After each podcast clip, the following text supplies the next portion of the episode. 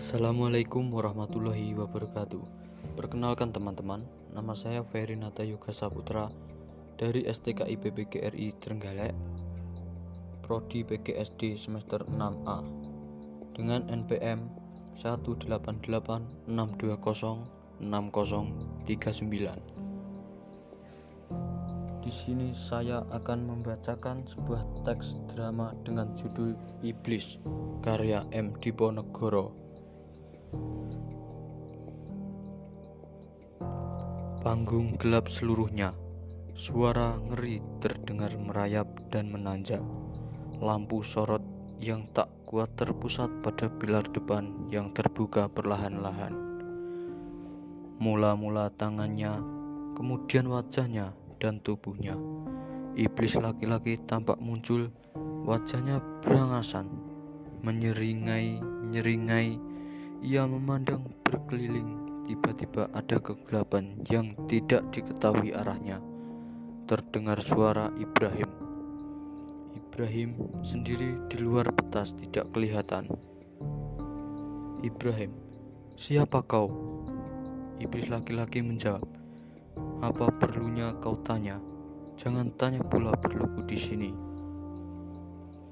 Ibrahim, ada yang ingin kau sampaikan padaku? Iblis menjawab, kau tak mau mendengarnya. Ibrahim, kalau begitu pergilah.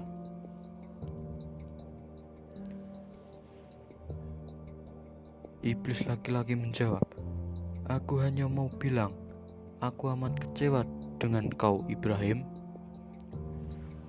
Ibrahim, hahaha, selamanya kau akan kecewa dengan aku. Kukira engkau seorang yang baik, yang cinta betul pada anakmu.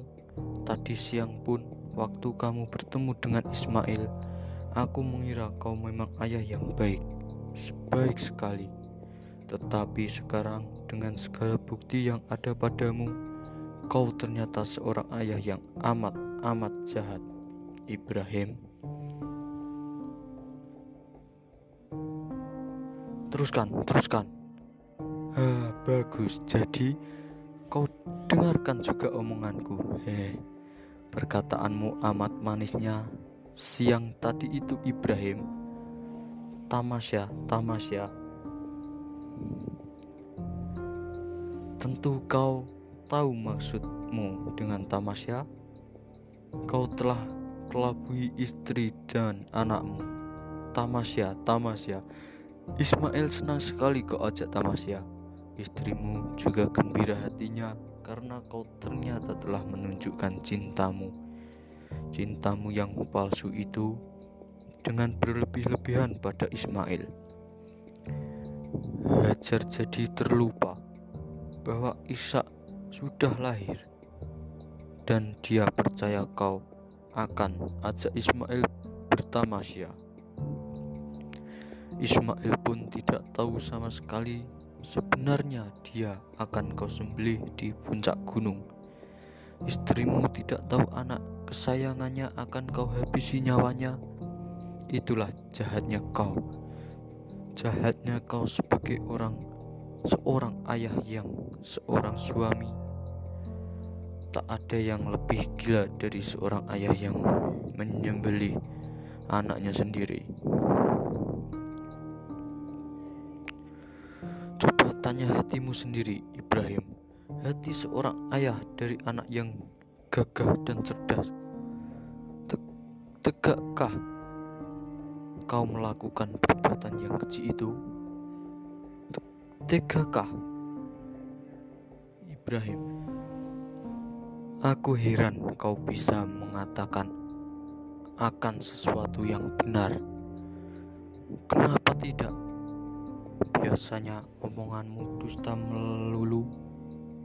Jadi bagaimana? Besok pasti ku sembelih Ismail. Tolol kau hanya menutup malu saja. Aku tahu, karena kau dulu pernah berjanji pada Tuhanmu. Kalau kau beri seorang anak, kau rela menyembelihnya sebagai korban jika anak itu diminta Tuhanmu. Jika diminta, dan sekarang betulkah Tuhanmu meminta? Kau hanya bermimpi karena ketakutan hatimu sendiri. Sejak Ismail lahir, kau selalu ditakut-takuti oleh pikiranmu sendiri. Jangan-jangan Tuhanmu menagih janji. Janji yang kau ucapkan dulu itu telah menjadi hantu di hatimu. Begitulah besar ketakutanmu sehingga engkau bermimpi-mimpi. Mimpi yang gila ini kau kira tagihan dari Tuhan. Tolol kau Ibrahim. Kalau itu betul itu perintah Tuhan, maka Tuhanmu iblis terkutuk. Memang aku terkutuk Nenek moyangku terkutuk, anak cucuku akan terkutuk. Kenapa aku boleh membalas kutuk? Ibrahim, panas mulutmu iblis, tapi tak bisa kau membakar aku. Besok pasti ku sembelih Ismail.